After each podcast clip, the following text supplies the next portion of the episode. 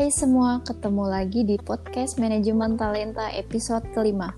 Kenalin, nama aku Tiara Karina Octavia. Kalian bisa panggil aku Tiara. Di sini tentunya saya nggak sendirian dong. Saya ditemani oleh dua teman saya yang ganteng dan dua teman saya yang cantik-cantik, yaitu Halo, saya Mega Utari. Kalian bisa panggil saya Mega. Halo Mega. Halo Tiara. Halo, aku Divya Salsabila, uh, biasa dipanggil Via. Halo Via. Hai Tiara. Halo, nama saya Muhammad Agus Soleh. Nama panggilan saya Soleh. Halo Soleh. Halo, saya Muhammad Gilang Ramadan. Panggil aja Gilang. Halo Gilang. Halo. Eh, ngomong-ngomong kan gimana nih kabarnya? Sehat dong, alhamdulillah. Alhamdulillah, Alhamdulillah sehat. sehat. Tiara gimana Alhamdulillah. sehat? Alhamdulillah sehat juga. Bagus-bagus. Semoga kita semua diberi kesehatan dan cepet kuliah tatap muka ya teman-teman. Amin. Udah kangen banget sama suasana kampus, pengen belajar tatap muka lagi. Iya, bosan banget kuliah online kayak gini. Tapi uh, nyaman juga sih sebenarnya ya. Tapi ya kangen juga gitu ketemu teman Ada- sama dosen. Ada kelebihan dan kekurangannya ya di. Iya. udah setahun lebih nih kita menjalani kuliah online kayak gini. Iya, udah lama banget ya. Hmm, ya udah yuk langsung aja kita masuk ke materi. Uh, kali ini kami membawakan materi yang bertema tentang rekrutmen dan seleksi talenta. Uh, rekrutmen itu apa sih? Ada yang bisa jelasin tentang rekrutmen nggak? Bisa-bisa. Rekrutmen atau penarikan adalah proses pencarian dan pemikiran para calon karyawan atau pelamar yang mampu untuk melamar sebagai karyawan. Proses ini tuh dimulai ketika para pelamar dicari dan berakhir bila lamaran-lamaran mereka diserahkan. Maksud dari rekrutmen adalah untuk mendapatkan persediaan sebanyak mungkin calon-calon pelamar sehingga eh, perusahaan akan mempunyai kesempatan yang lebih besar untuk melakukan pilihan terhadap calon pekerja yang dianggap memenuhi standar kualifikasi perusahaan. Uh, Nah, jadi itu ya teman-teman pengertian dari rekrutmen yang udah Mbak Mega sampaikan nih. Uh, perusahaan merekrut dan seleksi calon pekerja itu mempunyai peranan penting kan ya. Uh, yang aku mau tanya nih, pentingnya kenapa sih gitu? Ada yang bisa bantu lagi? Boleh aku jawab lagi nggak Tiara? Oh, jelas boleh dong. Silakan Mbak Mega gimana tuh? Iya, menurut aku sih penting banget ya pastinya dalam kesuksesan tiap perusahaan. Karena tuh dapat menunjukkan kemampuan perusahaan untuk eh, terus bertahan, beradaptasi dan berkembang di tengah persaingan yang ketat. Makanya mereka tuh dituntut untuk lebih profesional dalam mengelola perusahaannya, khususnya dalam hal tenaga kerja. Rekrutmen juga dilakukan untuk eh, menambah pegawai baru ke dalam suatu satuan kerja yang kegiatannya semakin menurun. Itu sih poin pentingnya. Wah, oke banget jawabannya. Terima kasih Mbak Mega. Sama-sama. Eh, lanjut ya, ketika seseorang ingin bekerja di suatu perusahaan, pasti melewati tahap rekrut dan seleksi. Nah, kali ini aku boleh minta tolong un- sama Mbak Divya deh untuk bantu menyebutkan prinsip-prinsip dari rekrutmen. Iya, boleh banget ya. Jadi eh, prinsip-prinsip rekrutmen itu yang pertama nih ada mutu karyawan. Jadi eh, ini tuh akan direkrut harus sesuai dengan kebutuhan yang diperlukan untuk mendapatkan mutu yang sesuai. Nah untuk itu sebelumnya eh, kita jelasin nih mutu karyawan itu ada yang harus dibuat nih. Yang pertama ada analisis pekerjaan, ada spesifikasi pekerjaan, jadi eh, analisis pekerjaan itu proses penyelidikan yang sistematis untuk memperoleh informasi yang mengenai kualifikasi pekerjaan dan pekerjanya. Jadi di proses ini tuh eh, isinya tentang pemberian informasi posisi atau jabatan dan perusahaan yang kosong. Terus ada deskripsi pekerjaan, itu proses menghimpun dan mengolah informasi mengenai pekerjaan. Informasi yang berkaitan di antaranya itu jabatan yang tersedia upah yang akan diberikan oleh perusahaan. Dan spesifikasi pekerjaan itu adalah karakteristik atau syarat-syarat kerja yang harus dipenuhi sehingga dapat melaksanakan suatu pekerjaan atau jabatan. Nah, jumlah karyawan yang diperlukan juga harus sesuai dengan job yang tersedia untuk mendapatkan hal tersebut itu kita perlu dilakukan namanya peramalan kebutuhan tenaga kerja dan analisis terhadap kebutuhan tenaga kerja atau uh, nama lainnya workforce analysis terus biaya yang diperlukan diminimkan, terus uh, ada perencanaan dan keputusan-keputusan strategis tentang perekrutan. Dan flexibility itu adalah proses pelaksanaan rekrutmen yang berjalan sesuai metode dan tidak membosankan. Lalu pertimbangan-pertimbangan hukum, jadi tidak semua prinsip rekrutmen itu uh, bisa dijadikan indikator karena dalam penelitian ini tuh yang menjadi subjek penelitiannya itu karyawan karyawan sehingga uh, diambil dalam indikator adalah mutu karyawan yang direkrut sesuai dengan job pekerjaannya, flexibility dan pertimbangan hukum. Hmm, jadi itu tadi prinsip mengenai rekrutmen ya? Iya. Eh, Betul sekali. Eh Tiara, aku boleh nambahin nggak? Oh boleh dong, silahkan Gilang. Gimana tuh? Oke, tadi kan sudah disebutkan ya prinsip mengenai apa prinsip-prinsip Nah sekarang juga ada metodenya nih. Metodenya tuh dibagi menjadi dua, yaitu antara lain itu metode tertutup ya. Metode tertutup itu ketika penarikan hanya diinformasikan kepada karyawan atau orang-orang tertentu saja. Tiba-tiba itu lamaran yang masuk itu relatif sedikit ya, sehingga kesempatan untuk mendapatkan karyawan yang baik baik itu sulit. Lalu itu yang metode kedua itu ada metode terbuka ya ketika penarikan informasi itu secara luas dengan memasang iklan pada media massa cetak maupun elektronik ya agar tersebar luas ke masyarakat. Dengan metode terbuka itu diharapkan lamaran-lamaran baik yang masuk sehingga kesempatan mendapatkan karyawan yang kualitatif itu lebih besar. Hmm. Wah terima kasih ya Gilang atas jawabannya, atas tambahan jawabannya. Nah, kira-kira dari itu ada alternatifnya nggak ya dalam proses rekrutmen Tentunya itu? jelas ada ya Mbak Tiara. Pada saat perusahaan tenaga oh, ya? kerja menunjukkan adanya kebutuhan tambahan atau penggantian karyawan. Perusahaan mungkin memutuskan untuk tidak melakukan rekrutmen karena pengeluaran biaya yang tinggi. Perusahaan dapat mempertimbangkan dengan matang sebelum melakukan rekrutmen. Ada juga beberapa alternatif rekrutmen antara antara lainnya lembur. Penggunaan waktu lembur dapat dilakukan pada saat menghadapi fluktua, fluktuasi dalam volume kerja. Lembur merupakan alternatif menarik karena menggunakan karyawan-karyawan berpengalaman yang tidak membutuhkan tambahan pelatihan. Ada juga karyawan temporer. Perusahaan penyedia tenaga kerja temporer dapat membantu perusahaan dengan menangani beban kerja khusus. Ada juga pekerja-pekerja sewaan. Jenis pekerjaan sewaan umumnya bersifat musiman dan insidentil dan banyak dijumpai dalam pekerjaan seperti biasa. Yang terakhir ada pekerja yang dikontrakan. Dalam metode ini perusahaan terhindar dari sejumlah kendali atas pekerjaan yang dikontrakan. Oke, terus ada banyak kesalahan juga nih yang biasanya dilakuin oleh rekruter, rekruter ya. Jadi kesalahannya itu yang fatal itu misalnya itu ada kayak gini nih seperti halnya salah satunya itu menarik asal-asalan lalu melihat referensi secara berlebihan jadi jangan langsung terpukau dengan riwayat hidup seseorang ya lulusan dari universitas terkemuka belum tentu loh. Lebih baik dari universitas non unggulan lalu kata-kata yang menarik.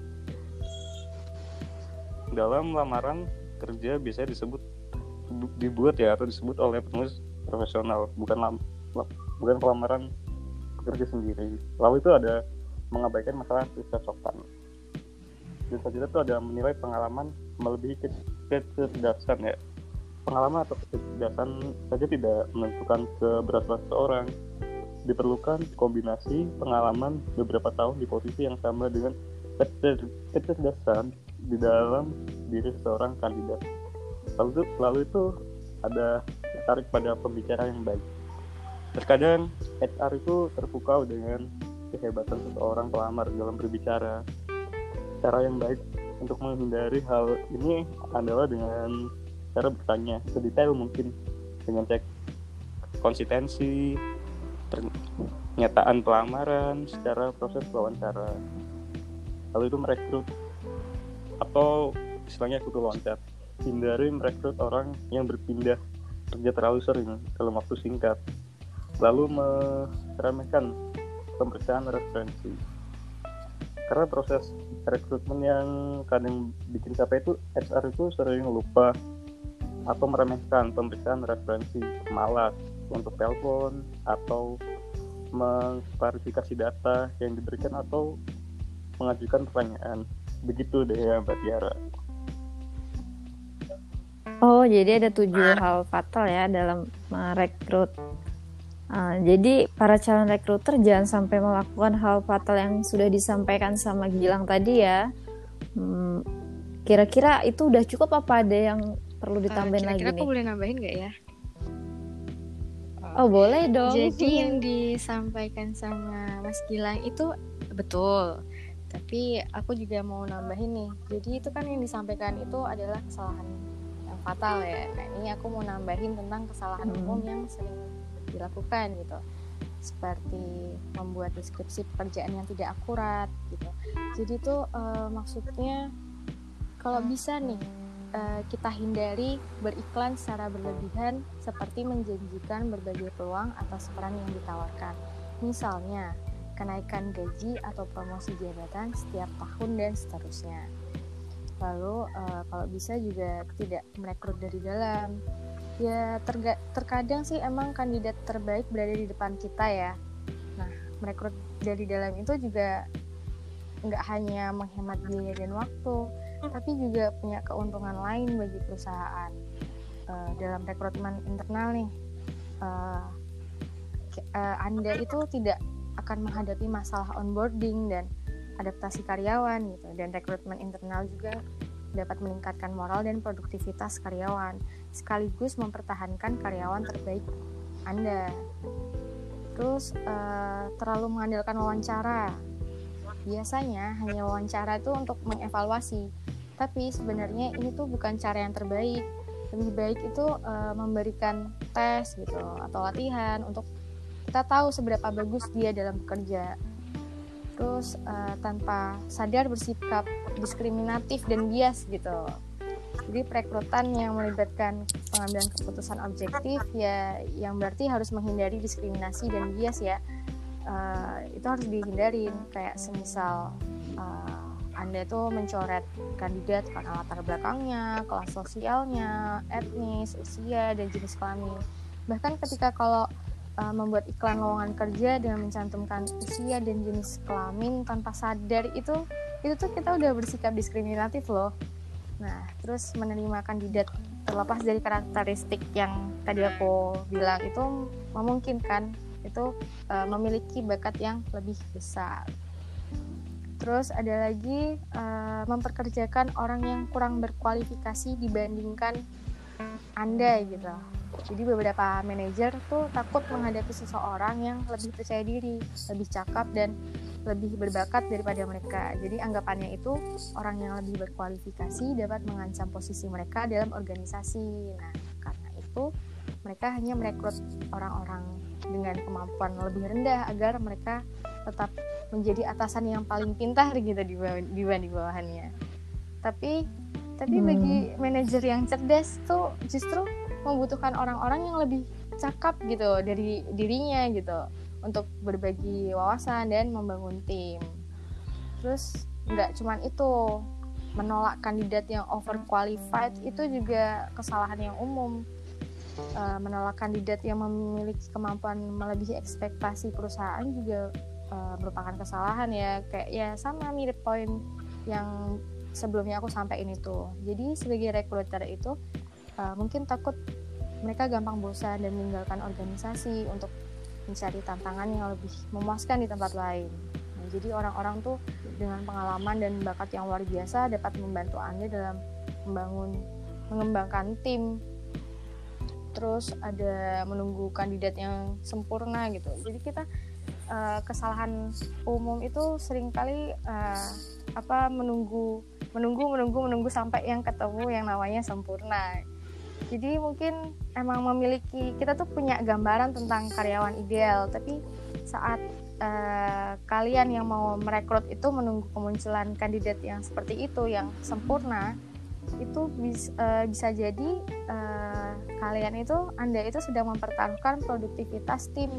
Karena semakin lama menunggu akan semakin lama pula uh, kalian ini atau anda ini kekurangan staff.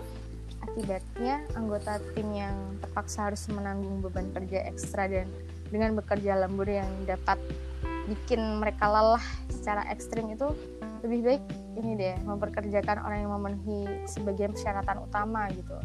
Sesuai dengan budaya perusahaan terus punya soft skill yang dibutuhin gitu. Terus uh, jangan terburu-buru dalam merekrut. Jadi kandidat sempurna mungkin nggak akan muncul di depan anda gitu. Bukan berarti harus terburu-buru memperkerjakan sembarang orang untuk menambal kekosongan di dalam tim jadi harus tetap mempertimbangkan kualitas calon karyawan tanpa perlu ngerasa dikejar waktu. Terus jangan juga terburu-buru dalam merekrut uh, yang terlalu percaya referensi gitu. Kayak tadi Mas Gilang kan nyampein ya, jangan terlalu terpukau gitu sama referensi orang.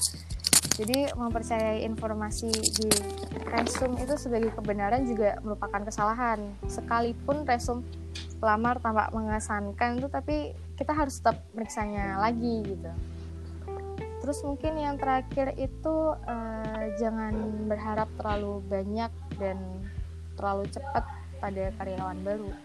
Karena yang baru itu yang baru direkrut itu biasanya butuh waktu tiga bulan untuk menjalani uh, adaptasi dengan tim secara keseluruhan uh, jika mak kalau maksa untuk mulai kerja cepat karena posisi yang terlalu lama yang lama terlalu kosong uh, itu nggak memberi waktu untuk orientasi dan uh, kalau proses onboardingnya ini gagal justru uh, akan kehilangan rekrutan baru tersebut gitu ya jadi Hmm, ya, terima jadi, kasih Mbak Divya. Ya, jadi yang dijelaskan oleh Mbak Divya sangat betul. Tetapi jangan dilatih juga teman-teman. Rekrutmen itu dibagi menjadi dua macam. Misalnya bisa secara internal maupun eksternal. Kalau yang internal itu proses rekrutmen dengan menggunakan atau mempromosikan orang-orang yang sudah bekerja dalam perusahaan. perusahaan. Sedangkan eksternal proses rekrutmen di mana Anda menggunakan jasa orang dari luar organisasi untuk melakukan proses rekrutmen tahapan proses talenta itu juga ada loh. Seperti menetapkan kriteria talenta artinya langkah ini untuk memperjelas posisi kunci posisi paling penting posisi yang memiliki resiko tertinggi atau posisi yang terkait dengan proyek. Ada juga menyeleksi grup pusat. Artinya pengembangan talenta dilakukan segala macam usaha untuk mengoleksi kandidat kandidat dari berbagai posisi pada tahap ini dilakukan seleksi talenta atau talenta selection. Proses ini terdiri dari dua unsur, yaitu mengidentifikasi talenta dan menarik talenta untuk masuk dalam grup pusat pengembangan talenta. Ada juga membuat program percepatan pengembangan talenta atau acceleration development program. Ada juga menugaskan posisi kunci atau key position assignment dilakukan penugasan dan penempatan setiap anggota dari program talenta manajemen yang lulus evaluasi kelayakan kepimpinan untuk menduduki jabatan-jabatan yang telah diidentifikasi sebelumnya. Yang terakhir ada mengevaluasi kemajuan program atau monitoring program. Itu merupakan tambahan hmm. dari saya cukup Oh ya menarik ya. Uh, tapi aku mau mengajukan pertanyaan lagi nih. Kalau semisal uh, papa aku itu pemilik dari perusahaannya dan aku anaknya yang baru fresh graduate gitu mau kerja di perusahaan milik papa aku sendiri. Uh, menurut kalian aku perlu nggak sih mengikuti tahap-tahap seperti rekrutmen dan seleksi talenta? atau langsung masuk aja nih mentang-mentang papahnya yang punya perusahaan uh, siapa nih yang bisa bantu aku jawab? Uh, boleh kali aku ya? Oh sangat boleh mbak Divya. Uh, jadi kalau menurutku ini jawabanku ya. Jadi menurutku ya ya walaupun uh. dia anak pemilik perusahaan ya harus tetap ikut rekrut dan seleksi sih ya. Uh, mungkin aja si anak pemilik perusahaan ini lolos saat perekrutan kan nah yang lebih tapi yang lebih diperhatikan lagi itu saat seleksinya gitu. Jadi tahap seleksi itu kan perusahaan mm -hmm. perlu mencocokkan nih kemampuan dia dengan jabatan yang akan dia dudukin nah nanti kalau ditanya kenapa kok ayahnya nggak langsung aja taruh di jabatan yang mau diduduki? Ya kalau menurutku sih seorang pemilik perusahaan pasti uh, kegiatannya juga banyak kan dan sibuk ya kayak waktu memperhatikan anak itu sedikit gitu. Jadi untuk uh, mengetahui anaknya punya kompetensi seberapa besarnya kayak gitu.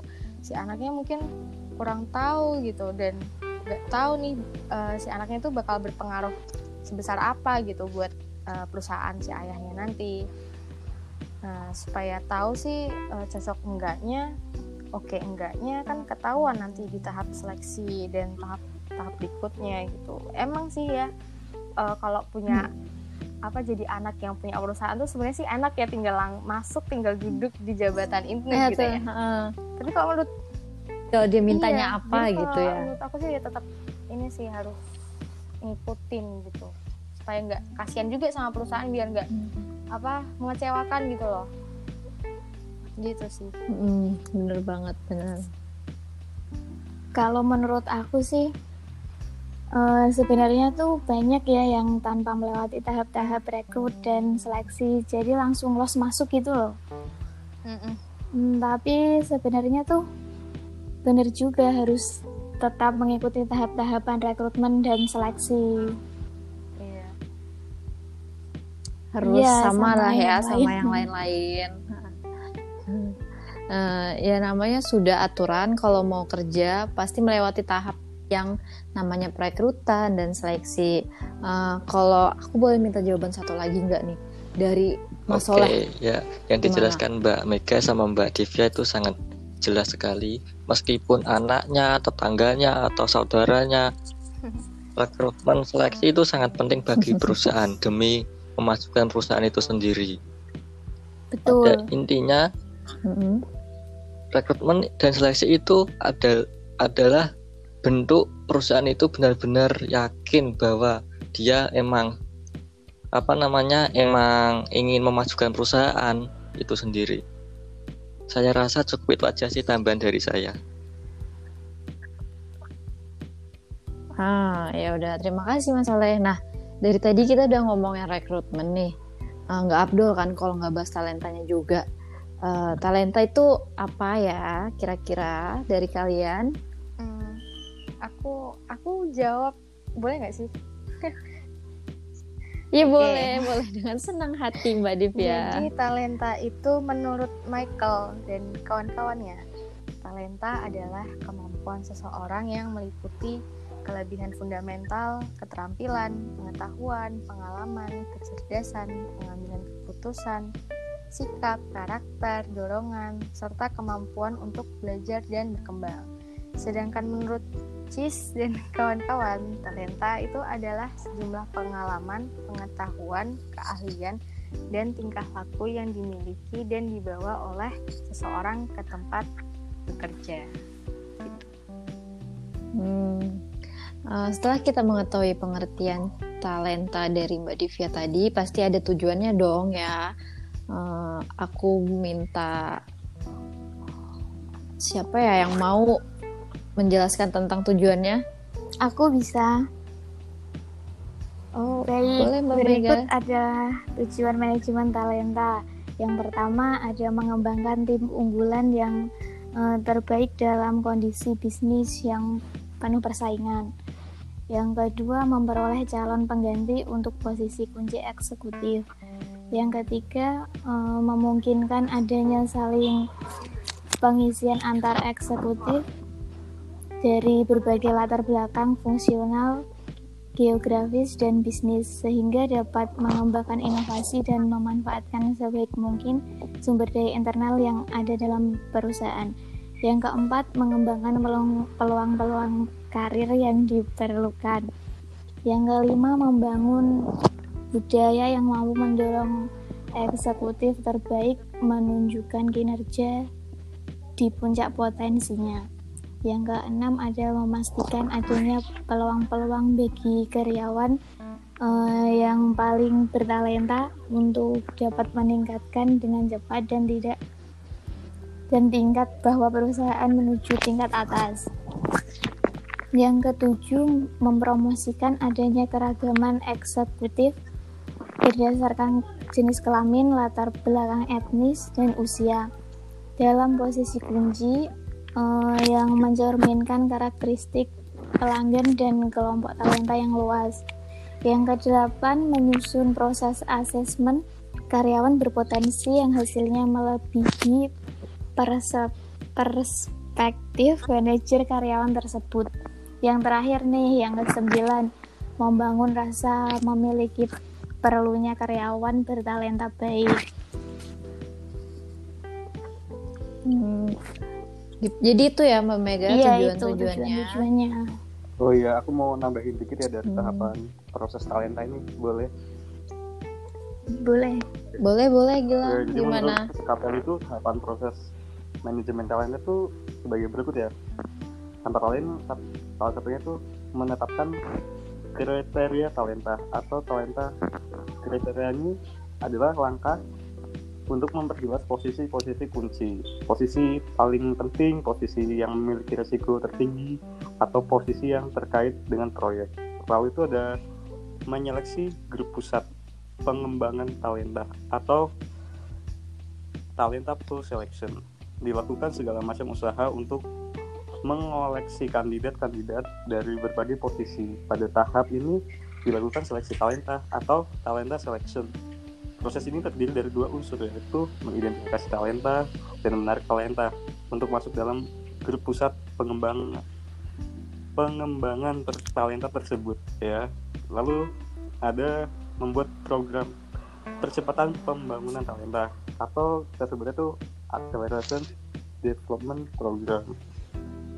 Lalu menugaskan posisi kunci atau key position adjustment dilakukan penugasan dengan penempatan setiap anggota dari program talenta manajemen yang luas, evaluasi kelayakan kepemimpinan untuk menduduki jabatan-jabatan yang telah diidentifikasi, diidentifikasi sebelumnya. Oke, lalu itu ada mengevaluasi kemajuan program atau mentoring program. Itu sih yang bisa saya jelasin sedikit. Oh, terima kasih atas jawabannya, Mas Gilang. Uh, jadi pada kesimpulannya, rekrutmen adalah proses pencarian dan pemikatan para calon para calon karyawan. Uh, ada dua macam prosesnya ya tadi, ada rekrutmen internal dan eksternal. Uh, dan perlu diketahui juga sel selain cara merekrut dan menyeleksi, tapi perhatikan juga kesalahan yang fatal maupun hal kecil umum yang sering dilakukan Uh, jadi kalau kita menyarankan nih buat rekruter, atasan atau pemilik perusahaan agar sebaiknya dilakukan evaluasi untuk proses perekrutan dan seleksi mengenai ketepatan waktu dan jumlah tenaga kerja yang dibutuhkan. Uh, hal ini supaya tidak melakukan kesalahan-kesalahan dari yang hal kecil sampai ke hal yang fatal. Uh, kalau sampai fatal kan bisa merugikan perusahaan kita ya teman-teman ya, perusahaan itu sendiri ya. Hmm. Uh, ya udah kayaknya ngobrolnya kita cukupkan sampai di sini aja deh ya udah terlalu panjang takutnya yang dengerin malah bosen boring uh, semoga apa yang sudah kelompok kami sampaikan ilmunya bisa bermanfaat dan maaf jika ada salah kata, uh, tetap jaga kesehatan teman-teman dan terima kasih semuanya yang udah mendengarkan. Uh, kami akhiri. Bye. Bye bye. 嗯。